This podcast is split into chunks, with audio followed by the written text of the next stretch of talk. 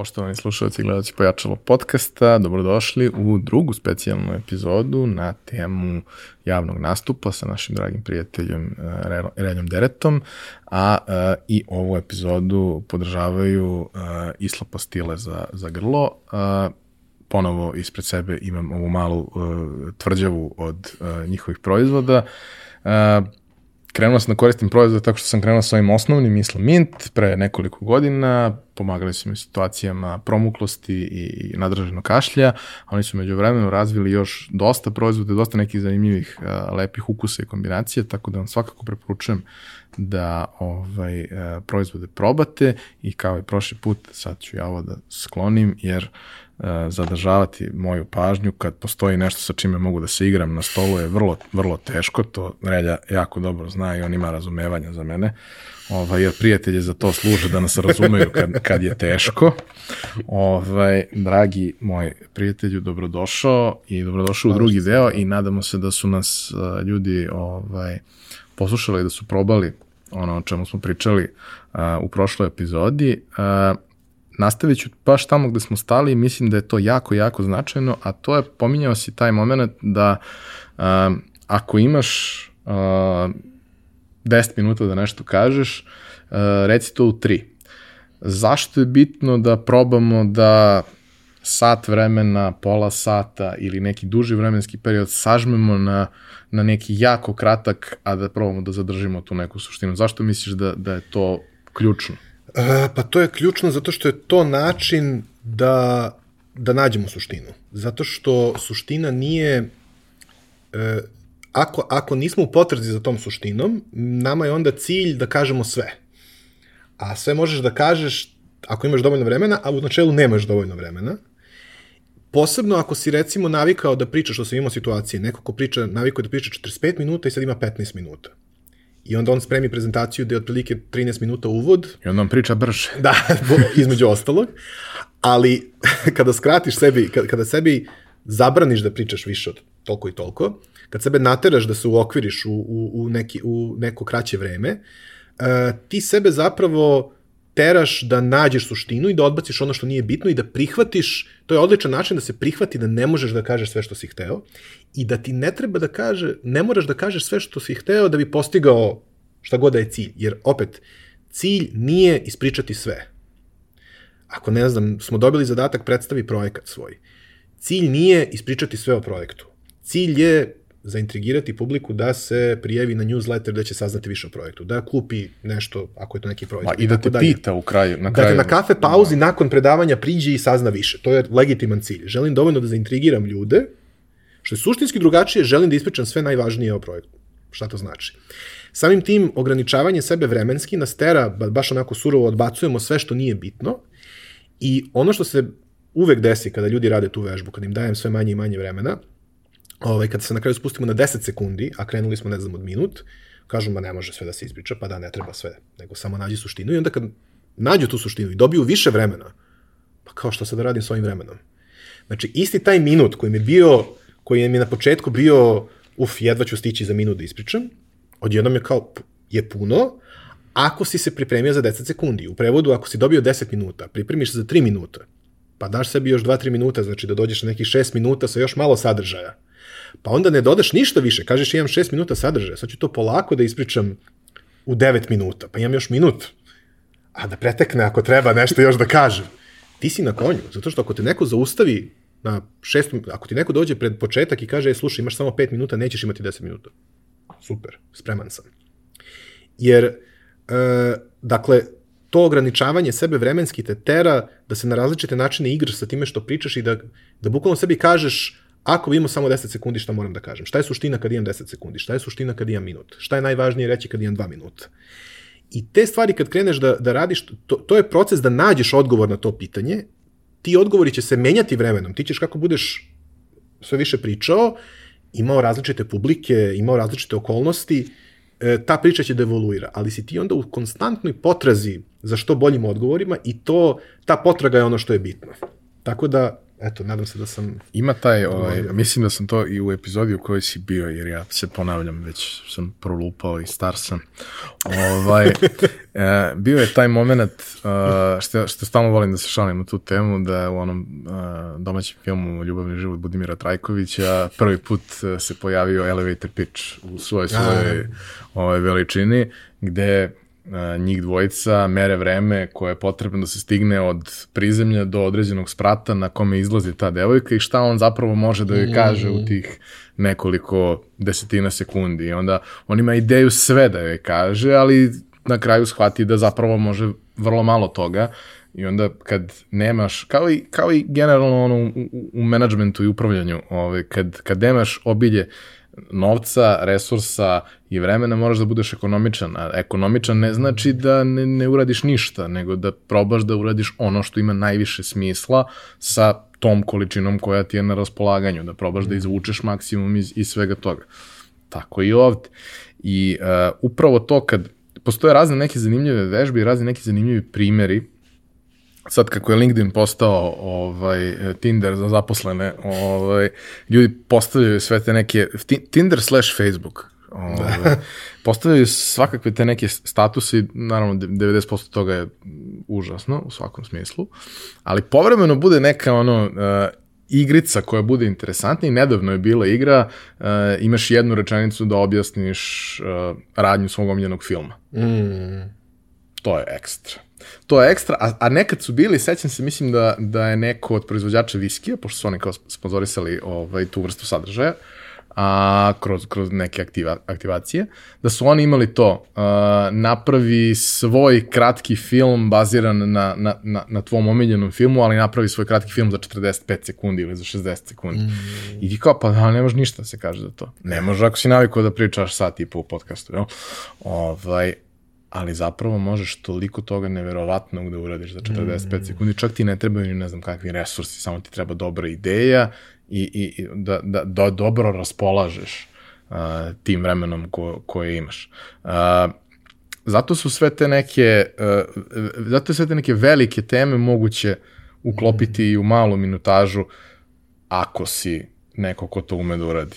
A, ko, koga bi ti izdvojio kao nešto uh, o čemu bi ljudi kao trebalo da razmišljaju, na, na koga bi trebalo da se na neki način ugledaju, koga bi trebalo da probaju da, da, da ne da skinu, ne da kopiraju, ali kod koga mogu da vide neke, neke zanimljive momente?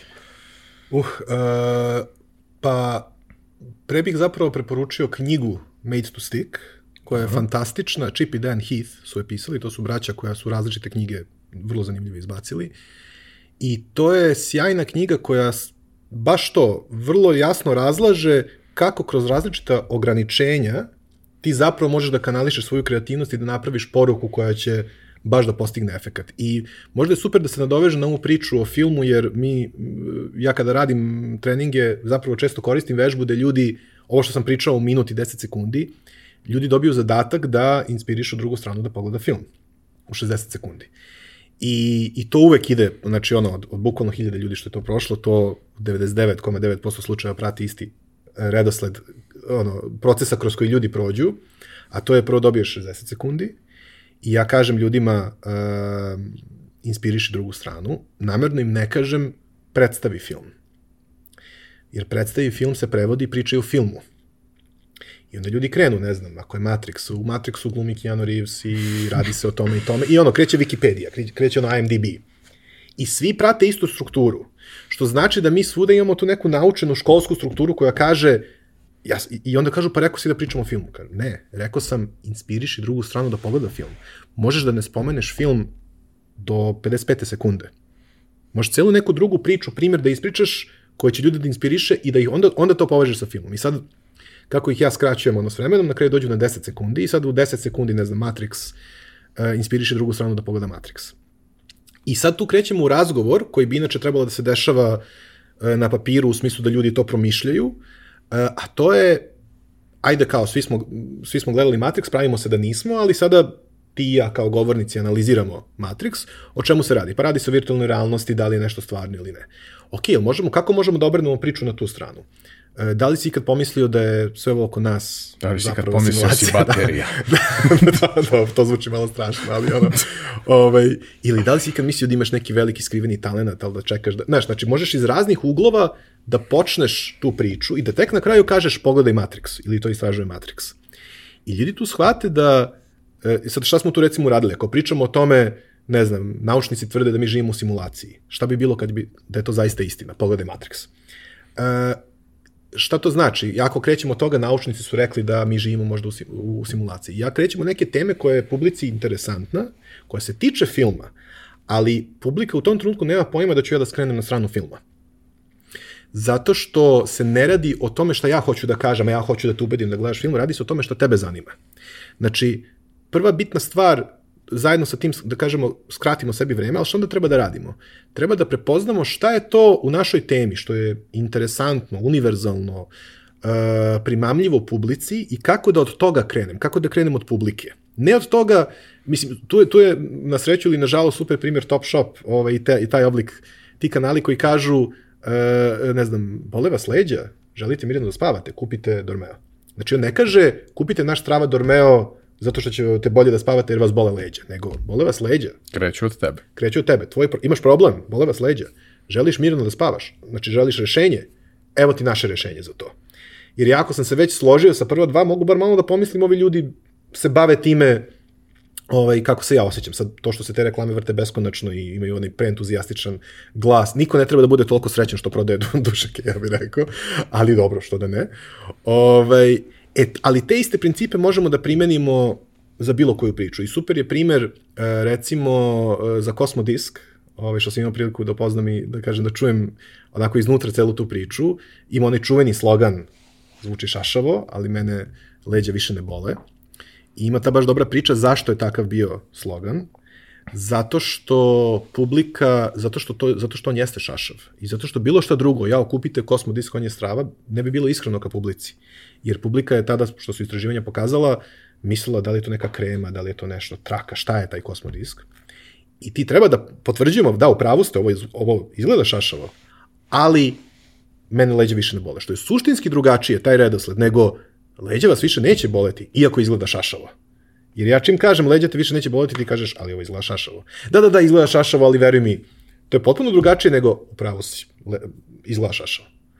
Ali leđa vas više neće boleti. Tako da, ajde da kažemo, polazak od publike, igranje sa tim redosledom kako iznosimo ideje i opet, kao i kod onog snimanja što smo pričali u prošloj epizodi, više pokušaja sa različitim strukturama je način da dođeš do najbolje strukture za tvoju priču za dati trenutak. Ili najbolje od onih što si probao. Što je sigurno bolje nego da dugo razmišljaš u glavi šta bi mogo da kažem i onda u nekom trenutku napraviš slajdove i samo zapišeš. Tako da, ajde da kažem, uh, jako je bitno kao što vežbamo kako stojimo, kako se krećemo, kako zvučimo, treba da vežbamo različite načine kako da istu priču ispričamo. Da, i mislim da je dosta bitno da, da takođe kažemo ljudima da uh, svakako je neophodno na početku da krenemo od nekih pretpostavki, mm. ali da je potrebno da te pretpostavke testiram. Da i da se zapravo e, magija dešava onda kada vremenom shvatimo da su nam pretpostavke dosta bolje nego što su bile, jer bolje razumemo, ali da i dalje ima situacija u kojima naša pretpostavka omane, jer jednostavno ne možemo uvek da se na pravi način identifikujemo sa, sa onom drugom stranom. Sad, znači, u, u mom primarnom poslu, u marketingu, takve stvari se testiraju kroz analitiku i metriku i ti imaš neke mm. kvantitativne podatke koji ti govore da da li je tvoja pretpostavka bila na mestu ili nije, imaš alate kako to možeš da testiraš. Ali u suštini ti ništa ne sprečava da i ovde sebi napraviš način da te stvari meriš i da, i da pratiš i da pričaš sa ljudima i dođeš do toga šta su zapravo šta su zapravo sve te stvari. E sad, pominjao si od, od starta u stvari pričamo koliko je važno da, da ljudi sebe snimaju. Mm. I, um, I kada je u pitanju glas, da sebe snime, poslušaju, vide da li to zvuči kako treba, ako je nešto što je, što je kratko i treba da bude efektno, ako je nešto dugoročno, prosto da vide, da, da, da čuju kako to zapravo izgleda, jer mm. niko od nas nije, nije svestan baš potpuno toga, čak i sa praksom i sa svim ostalim. Ovaj, ali, ali razlog zašto, zašto je taj video toliko važan je zapravo što uh, i u javnom nastupu i u komunikaciji govor tela je nešto što nosi jako veliki procenat uh, ukupnog utiska. Mm a e, svi mi koji se nismo e, rodili ekstrovertni i upali u čarobni napitak kad smo bili mali, generalno nemamo uvek idealan govor tela na početku neke priče. A često nismo ni svesni toga šta radimo. Dok ne vidimo kako to izgleda, nismo svesni šta radimo. Pa kada vidiš da si sve vreme pogrbljen, onda se ispraviš. Da a ne, ne, mislim, ako ti neko kaže, to, to nije isto. Ne, ne, treba da vidiš efekat. E... Onda vidiš razliku. Kada se ispraviš, automatski zvučiš drugačije, jer e, postoji veća rezonatorska kutija. ovaj, i, I prosto to, to je neki niz stvari koje se tu dešava. Šta su tu najčešći, najčešće ono, uh, epifanije koje ljudi doživljavaju da. u tom procesu? Pa upravo to što si rekao, ta razlika kada vide ono pre i posle.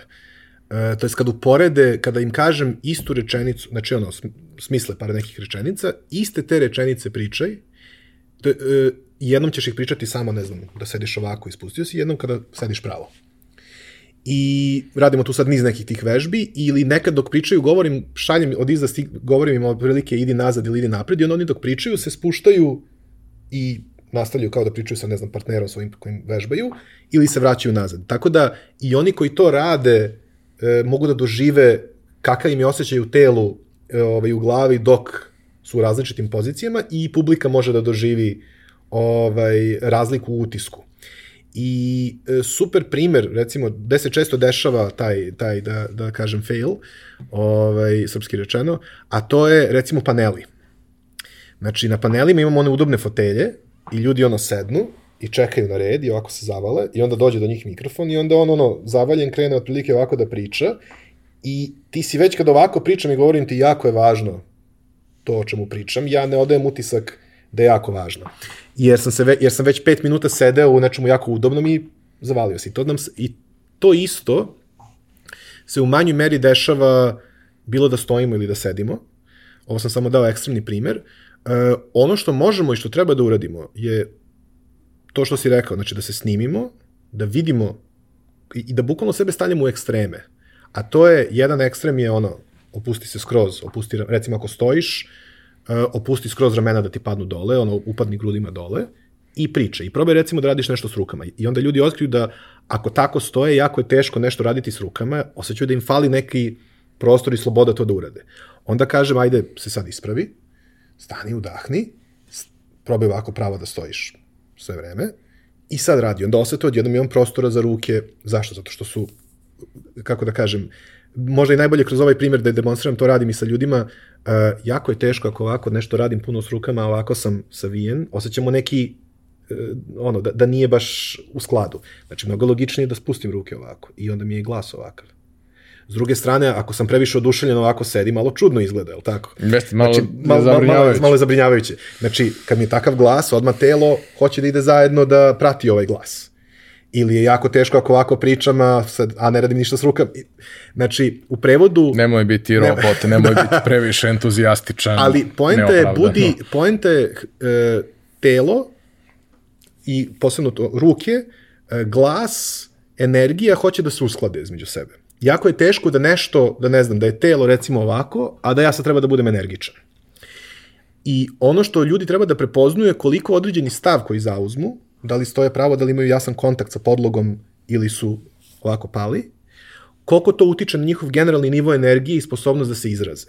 I onda shvate da kada promene tu neku osnovu, a to je konstantna odluka da, da to radiš, sve Do drugo ide mnogo lakše. Do se ne navikneš. Tako je, a i da se nikad ne navikneš, ok je. Ne moraš, niko ne očekuje da na sastanku koji traje sat vremena i ti čekaš svojih 10 minuta, ti s vreme sediš, mislim, niko ne želi da sluša ovako, sediš i čekaš na red i kao, svi su u fazonu, jesi ok, bre, znaš, ono, nego, budi zavaljen. To je okej. Okay. Ovo je pasivna pozicija, čuvam energiju. Nije lako sat vremena ili satima sedeti ovako. Ili biti pozitivan generalno. Ne bih sad u to ulazio, ovaj, ali, ali poenta je, potpuno je okej okay da budeš u pasivnijoj, ono, u opuštenijoj poziciji dok čekaš na red. Ono što je bitno U da se hibernaciji. setiš... ali ono, kada te probude, kad dođe na tebe red, nemoj iz ove pozicije da kreneš da pričaš, nego u tom trenutku sedi pravo ili ustani, zauzmi neki stav i kreni da pričaš. Biće ti možda i teško, ali si postigao ono što je poenta, e, nije bitno kako si se ti tada osjećao, uslovno rečeno, jeste dugoročno, ali u tom trenutku je bitno da ti postigneš cilj neki. To da li si ti u ostatku života tih, ovakav, to, to recimo često tih ljudi kažu, ja šta da radim, ja sam tih, budi tih. Sem ovih 10 minuta kad treba da budeš glasan, znači tada si ti neko drugi. Zato što ljudi često kad moraju da zauzmu neki drugačiji stav, nešto da rade, ne doživljavaju više sebe kao sebe, jer nisu navikli na sebe u tom stanju. Tako da, opet, izlaganje sebe tim situacijama, stavljanje sebe u te ekstreme, da si vrlo prav, pa si savijen, pa koristiš puno ruke, pa koristiš malo ruke, snimanje sebe i praćenje kako napreduješ će dramatično da te oslobodi da, da radiš više te stvari i da napreduješ s tim. A, kada smo pričali prvi put uh, i, i, iz ugla dva prijatelja, a ne čoveka koji je došao da se sprema za TEDx i čoveka koji sprema ljude za TEDx, a, dotakli smo se toga da je u suštini obojici ljubav prema, prema TED-u uh, usadilo nekoliko ljudi i njihova predavanja, ta predavanja su najpoznatija mm, i da. ovaj, u principu ona su i zaslužna za to što je te globalni fenomen, ali jedan od njih je uh, Sir Kean Robinson. Ovaj, I on upravo, mislim, to je, to je taj moment. Imaš čoveka koji je profesor, mm. britanac, to isto nosi sa sobom određenu količinu stvari. Ja kad čujem British English, ozbiljan, znači to stoji mirno uvek, skoro kao za nemački, ajde nije, za nemački još mirnije jer nikad ne znaš, za početak ne znam šta pričaju. Ovaj, ali uh, kroz tih nekoliko ljudi, kroz njega, kroz uh, Malkova Gladvela, kroz nekoliko ljudi koji su tu bili um, naj uh, ti možeš da utvrdiš neke zanimljive pravilnosti i to u principu nešto što, što tražiš i kada sebe analiziraš vidiš šta se dešava, pokušavaš shvatiš zašto se dešava, pokušavaš to da promeniš sa nekim konkretnim ciljem. E tako isto, gledajući njih, vidiš neke stvari koje oni rade, vidiš da te stvari, mislim, nisi baš siguran da li te stvari ili nešto mm. drugo daju efekta, ali da probamo pa da vidimo. I uh, ti si radio sa jako velikim brojem mm. uh, TEDx govornika kod nas i generalno ljudi koji su pričali u, u tim formatima. Uh, kada dođemo do toga, a mislim to je proces i to će, to će trajati, govorimo o tome kao da su veštine, svaka veština zahteva vreme. Ako si talentovan za violinu i dalje na trećem času nećeš svirati fantastično. Ovaj, kada dođemo do toga da si ti rešio sebi neke krupne stvari, sanirao si situaciju, sad je to sve okej. Okay. Ta nadgradnja, ta razlika koja nekog čini neverovatnim i čini za početak da ti drži pažnju i da te zainteresuje za bilo koju temu, ovaj, što kažu, bilo bi mi interesantno slušam kako čita telefonski imenik, ovaj, šta su, šta su te neke stvari? Volio bih da, da ih ti kažeš, a da onda ljudima ostavimo da e, gledaju, analiziraju i probaju da ih nađu. To je kao kad gledaš neku stvar sa, sa nivoa e, ovo mi je zanimljivo, i kada dođeš do toga da to razumeš i onda gledaš i, i shvataš šta se dešava, gde se šta pojavljuje, šta je sa čim vezano, zbog čega. Tako da, ako možeš ti da izdvojiš nekog da. i šta su neke stvari o kojima tu može da, da se razmišlja. Pa rekao bih jednu stvar koja je, koju kada izgovorim, shvatit ćemo da 90% ljudi pravi tu grešku, a ona suštinski menja način na koji pričamo i način na koji smo shvaćeni, je intonacija, to jest da li imam tačku, da li imam kraj rečenice uopšte. Pa da li imam ovu pauzu nakon rečenice. Znači, ljudi imaju tu tendenciju, što opet mislim da je zbog tog odgovaranja na tabli, da moraju puno da pričaju, brzo da pričaju i bez zaustavljanja. Koji kažu, ono, ne znam, bitka se desila tada i tada, da, da, da, da, da, da, da, da, da, da, da, da, i ti time stalno šalješ signal da to što si sad rekao nije toliko bitno, tek će da dođe ono nešto bitno kasnije. I stalno odlažeš to nešto bitno i bez obzira da li si rekao ovo je najvažnija stvar, a sad ću vam reći nešto usput, te dve rečenice zvuče isto. I onda se potpuno i u glavi govornika i u glavi publike gubi vrednost toga što se priča, jer sve zvuči isto. A ako slušamo recimo Ken Robinsona, i TED ima tu super stvar, ima opciju transkripta, znači možeš da upališ e, na njihovim videima transkript i da klikneš negde na taj transkript i on odmah baci na taj deo govora. Tako da možeš neku rečenicu puno puta da slušaš, samo klikneš na nju i slušaš kako je on izgovara. Ken Robinson je inače imao, e, ako se sećam, polio, to je dečiju paralizu, Ovaj, I on je, eh, on je čak hteo da bude futbaler, ali zbog toga nije pro, prosto mogao.